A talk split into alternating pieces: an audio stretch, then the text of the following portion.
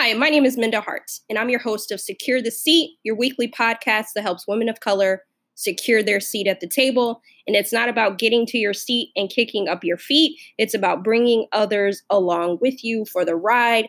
Welcome to season four. Can you believe it's season four? I am recording from Houston, Texas. I am currently on book tour.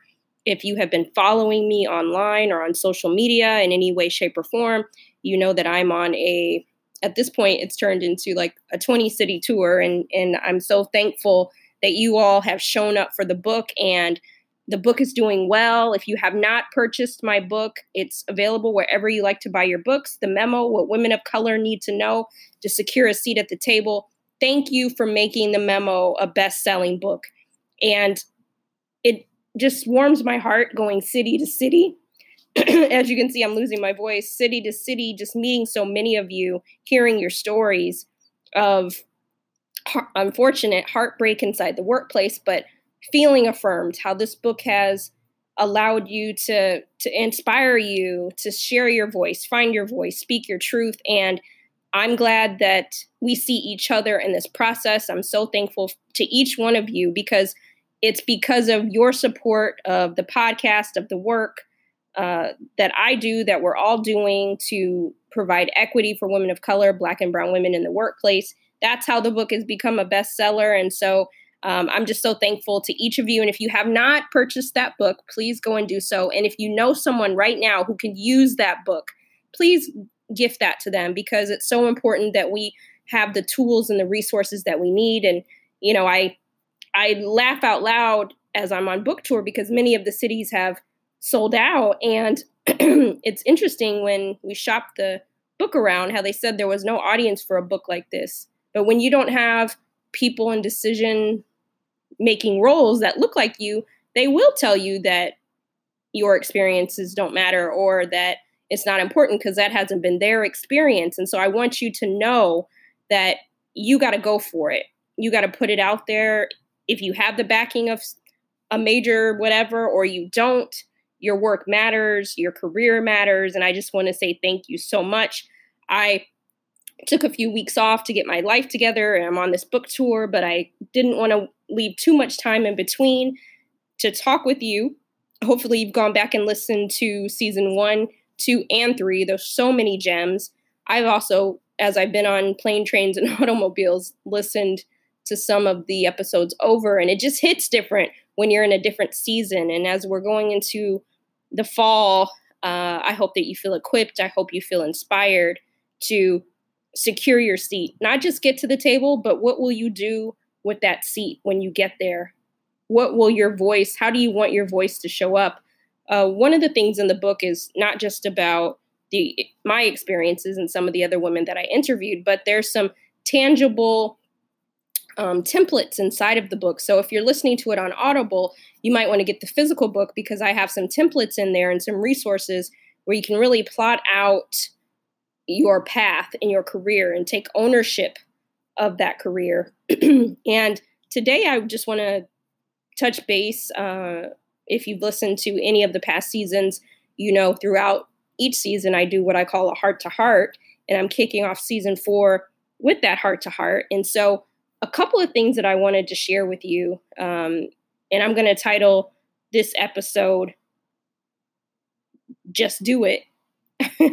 um, so, what some of you may or may not know is my book came out on August 20th. And a few weeks before the book came out, I was asked to do a TEDx talk in Harlem.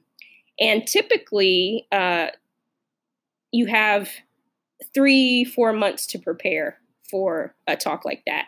And I did not. They asked me if I wanted to do it. I did have doing a TED talk on my vision board for 2019. And when that came into my lap, and for many of you, if you didn't know, um, you know, Harlem is definitely where I call home. And it, it fell in my lap.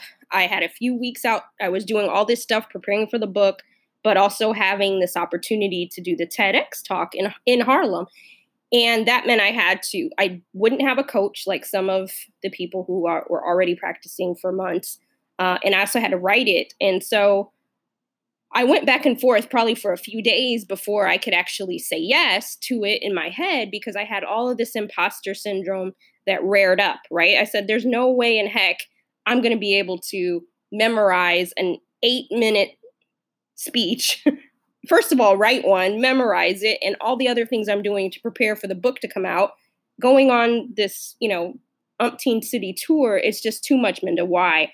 And then I started to think about it, and I'm like, we got to just sometimes do it. There's never going to be a perfect time for anything to happen in our lives. It's very rare that just everything lines up. And I felt the anxiety each and every day as the weeks chimed in. And I would actually have to do the talk the day after my book came out. So the next day. And so, um, so much was going on uh, during that time period. But what I decided to do was say yes to it, that I would just do it there's I, I would have liked to say that yes, I'd be able to pull off this Brene Brown type of TED talk, but I, from what I've read and heard, it took her, she had around six months to prepare for that. And so, me just having a few weeks, I'm like, you know what? I'm just going to do it.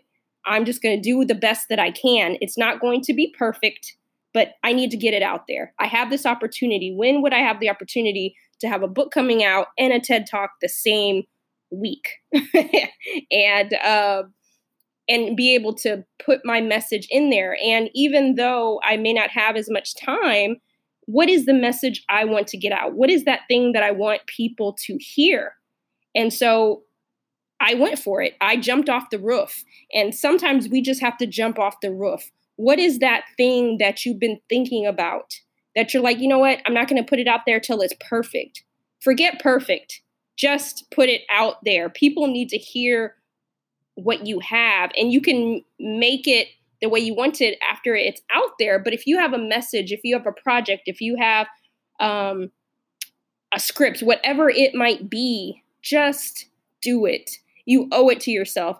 I think as women, black and brown women, sometimes we want to finesse this thing. We want to make it perfect before we show it to the world, right?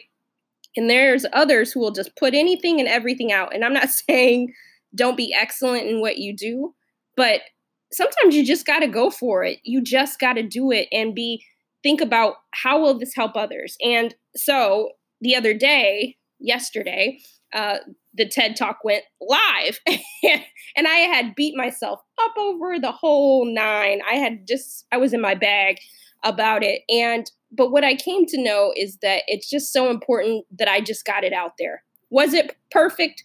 Heck no. Did I do it? Yes. Did I jump off the roof? Yes. Am I happy that I did? I am happy that I did because, yes, maybe it will never get a million views like and go viral, but my message, the intention, um, that was what's important. And so, if you are interested in seeing it, uh, it is up. Uh, you can go to YouTube or TEDx. It did make it to their website, and it's not bad. It's not bad, but it gives me something to say, okay, you did it, Minda. And I'm no longer beating myself up about it, and I'm patting myself on the back about it because just to do it, just to do a thing, there's so many people who will think about that thing for years and years and years. And they'll go to their de- deathbed without even doing that thing or even trying that thing or jumping off the roof. And many of you know that Jay Z is, uh, you know, one of my favorite rappers. And, you know, he has this line that says, I rather die enormous than live dormant. And I think it's so important that in order for us to live enormous, we got to jump off that roof sometimes. And so I just want to encourage you. I'm not telling you anything that I'm not doing myself. Um, and so as we move into this next season, I just want you to jump off the roof. I just want you to do it. And now that I'm actually talking to you, I think I'm going to retitle this say and call it jump off the roof. because sometimes we just have to. We have to. And you know, I've, I've said it before, I said it in the book, but your curiosity has to be larger than your fear uh, because your fear of doing that thing will keep you from doing that thing. And we don't want fear to, to paralyze us. Um, the other thing I want you to consider is something that I'm realizing. I'm really realizing that courage and bravery will take us places fear could never. And I'll say it for you again I'm realizing that courage and bravery will take you places fear could never. And that's what I'm finding. As scared as I was about putting this book out into the world, I was, for those who've read it, I've been very, very vulnerable. Uh, it's not a place that I've often felt comfortable being, but through this work, I realized that I have to be. And it has allowed many of you to be vulnerable with me, and I very much appreciate that. And the other thing I want to tell you is if you have not participated, I've done two virtual book clubs for the book. We've done chapters one through four. If you want to catch up, we'll be meeting again next month for a couple of the other chapters. So you can go to mindaharts.com and sign up for the virtual book club. I also, yes, yes, yes, have um, sign up for that there because August, no, October 1st, I'm launching um, a course and I, I can't remember if I've said it on Secure the Seat, but I've actually been working on a course since January that I was going to put out when the book came out. And being on this tour, I realized that I needed to take one step back. And that means that there's a lot of healing that needs to take place in many of us. Uh, there's so many, as I'm on the road, I'm meeting so many Black and Brown women with a lot of broken hearts. I've had my heart broken at work too because of you know promotions that I thought were mine that didn't happen through the microaggressions, the bias, all these things. And I realized that some healing is needs to take place. And if I could put my tour so far into a sentence, I would say we've laughed, we've cried, we've healed, and there needs to be some healing taken place. And so, what I've decided to do was October 1st, um, I'm giving away this four week mini course um, available complimentary. It's um, anywhere else it'd probably be you know valued at five hundred dollars or you know something like that. But what's most important for me is that we get the healing we need to discuss it because we can't secure our seat if we don't feel whole if we don't feel like we're we are in the healing process and so it's not about, I am an entrepreneur, yes, but I care about us being holistic first. And so I said, you know what, Minda, after being on the road for up to 11 cities, we need to do some healing. And so if you're interested in being part of that mini course um, that I'm going to do for four weeks, complimentary for my for my people, for all of you, um, go to mindaharts.com, sign up for the virtual book club, and I'll be sending out information on that. But I think it's so important that we heal. And I've been on planes, trains, and automobiles pulling this together um, because I think it's so important that we deal with some of the the scars and the pain that has happened in the workplace so that we can jump off the roof because you know what many of those scars have really chipped away at our pride and our self-esteem and it prevents us from jumping off the roof and being free. And part of healing is being free. And so uh, let's do it together. So go to mindaharts.com. There's no strings attached. it's strictly, I just want us to, to be fully present when we get to our seats, or if we're in our seats now, the importance of that healing, identifying some of those things and, and voicing them. Uh, part of the healing process for me, what is and was writing the book. And I realized even as I recorded the audio audio book for it a couple of months ago, some of those pains were still there, right? But there are some some there is healing at the on the other side. And so um let's jump off the roof together. We have you know, a few more months left in this year. What is that thing that you're just going to put out there that you're going to go full throttle? What is that thing? Don't put it off to 2020. If it's you saving $20 every other week to put money away for that thing, if it's making a call, if it's taking a class, whatever it is that's going to get you to that thing, jump off the roof today. Jump off the roof this weekend, okay? Uh, and we'll be there to catch you because we don't want to leave this earth not getting everything that is meant for us. And so, um, I'm just so excited to launch into this new season with you. We have some really amazing guests coming down the pipeline, and um, all the seasons have been my favorite because they've been, you know, just um, a different kind of vibe. Um, I hope that you are doing well, but you know, send me a message. I want to know what that thing is that um, that's been holding you back. What are you trying to?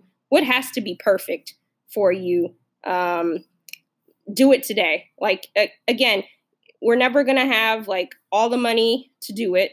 We're never gonna have all the maybe you know the support system that we need all lined up but i'm your support system the secure the seat community is your secure is your support system and so i want you to know that we're here for you and we want to jump off the roof together listen i'm jumping off the roof um i tried to jump off the roof like every other week if possible the the book was definitely jumping off the roof the ted talk whew, that was jumping off the roof um in so many ways. And, you know, even when I went to go and look at it, I felt like I might have needed like a, a stiff drink because I know I'm very hard on myself. And even with this podcast, it was one of those things where I had to jump off the roof as well because I didn't have the podcasting equipment. I, you know, didn't have all the fancy stuff. And I just realized, you know what? I, I got to do it. And even I thought a year ago when I started the podcast, oh, it's a saturated industry. I don't what do, I don't need to do another. I don't need to be I don't need to add to that, right? But then I did it. I jumped off the roof because I realized that these are the topics that we need to discuss. Equity for for women of color in the workplace and I just think it's so important that that we continue to do that for each other. So I hope you'll consider jumping off the roof today. So, on to bonus questions. Uh, you know that I'm a lover of grits and rap lyrics. And so I had some bomb grits today. I was leaving New York, going to Atlanta uh, to come to Houston. I'm on book tour, as I mentioned. And if you go to mindaharts.com, sign up for the book club, you'll also get the remaining dates of the cities that I'm coming to. Uh, today is the 20th. I'm sorry, today is not the 20th. I will be doing a public event um, on the 19th in Houston and also a public event on the 20th in Dallas. And then on the 26th, I'll be in Atlanta. On the 23rd, I'm sorry, the 24th, I'll be in New York City again. So you can get all those dates. Um, there's a lot of private events I'm doing, but there's a lot of public events, and I hope to see you at one of them. And so um, I'm starting to get my cities and dates confused now, but bear with me. Uh, but my rap lyric right now is I know we have a some of you have a love hate relationship with Drake, but he has a song called Blem, and the lyric goes, Move from me when you're extra. And the season of life that I'm in right now is just that I can't be bothered with the extra stuff. you know, it's like either we're to move forward on this equity piece for black and brown women in the workplace or move away from me if you're extra like if you're not about that life uh, if you're not about it then i just can't be bothered and you know one person said to me and i and i think they said it in a well-meaning way but they said you know i'm so happy for the for the recognition that you're receiving but you know there'll be a lot of people who aren't happy um, and that's a sad, sad thing. And so I can't be concerned with people who I thought were cool with, and then, you know, I haven't heard from them, all those sorts of things. Like, I can't, I'm just, I can't be in that space. I move from me when you're extra. and, and if I was being extra, then they should be saying that to me too, you know? And I think that sometimes we focus on, and I've said it before in past episodes, we're focused on who isn't there for us. All the people that we th- think should be there supporting us, rooting for us, but we can't focus on them. Um, we have to focus on the ones that are there for us, that are supporting us. And if we're lucky to have one person doing that, then we're winning, right? And so we can't focus on and put our energy in places that bring us down. We have too much to do, too many seats to secure, and um, I'm definitely rooting for you. So check that song out. And what does secure the seat mean to me? It's really about the legacy building. Like Dr. King in his letter uh, from the Birmingham jail said, We will live in the monologue and not the dialogue.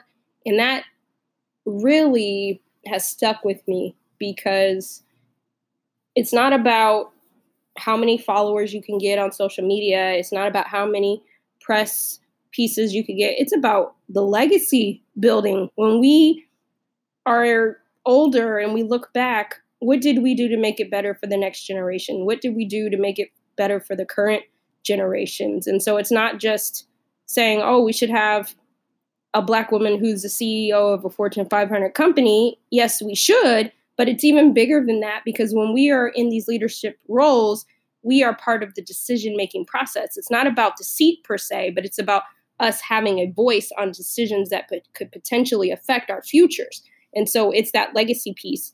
And so I just want to say thank you for your support. If you have not had a chance to go leave a rating on whatever um, platform you listen to, if it's Apple, uh, Spotify, please leave a rating or review. If you read the memo and you loved it, please go to Goodreads or um, Amazon and leave a review. All of those things matter. Uh, keep telling people about the book. I'm just, we got to start in order to change things. And if you have a book inside of you, if books like this do well, then then it makes it a little bit easier for for your books to come out there too. And so again, it's that legacy building piece. So have a great week. Next week, I have a really great guest. Next Wednesday, uh, we're back on it. We're back in the saddle with Secure the Seat, your weekly podcast for women of color to secure their seat at the table. Keep securing your seat. I'll talk to you soon.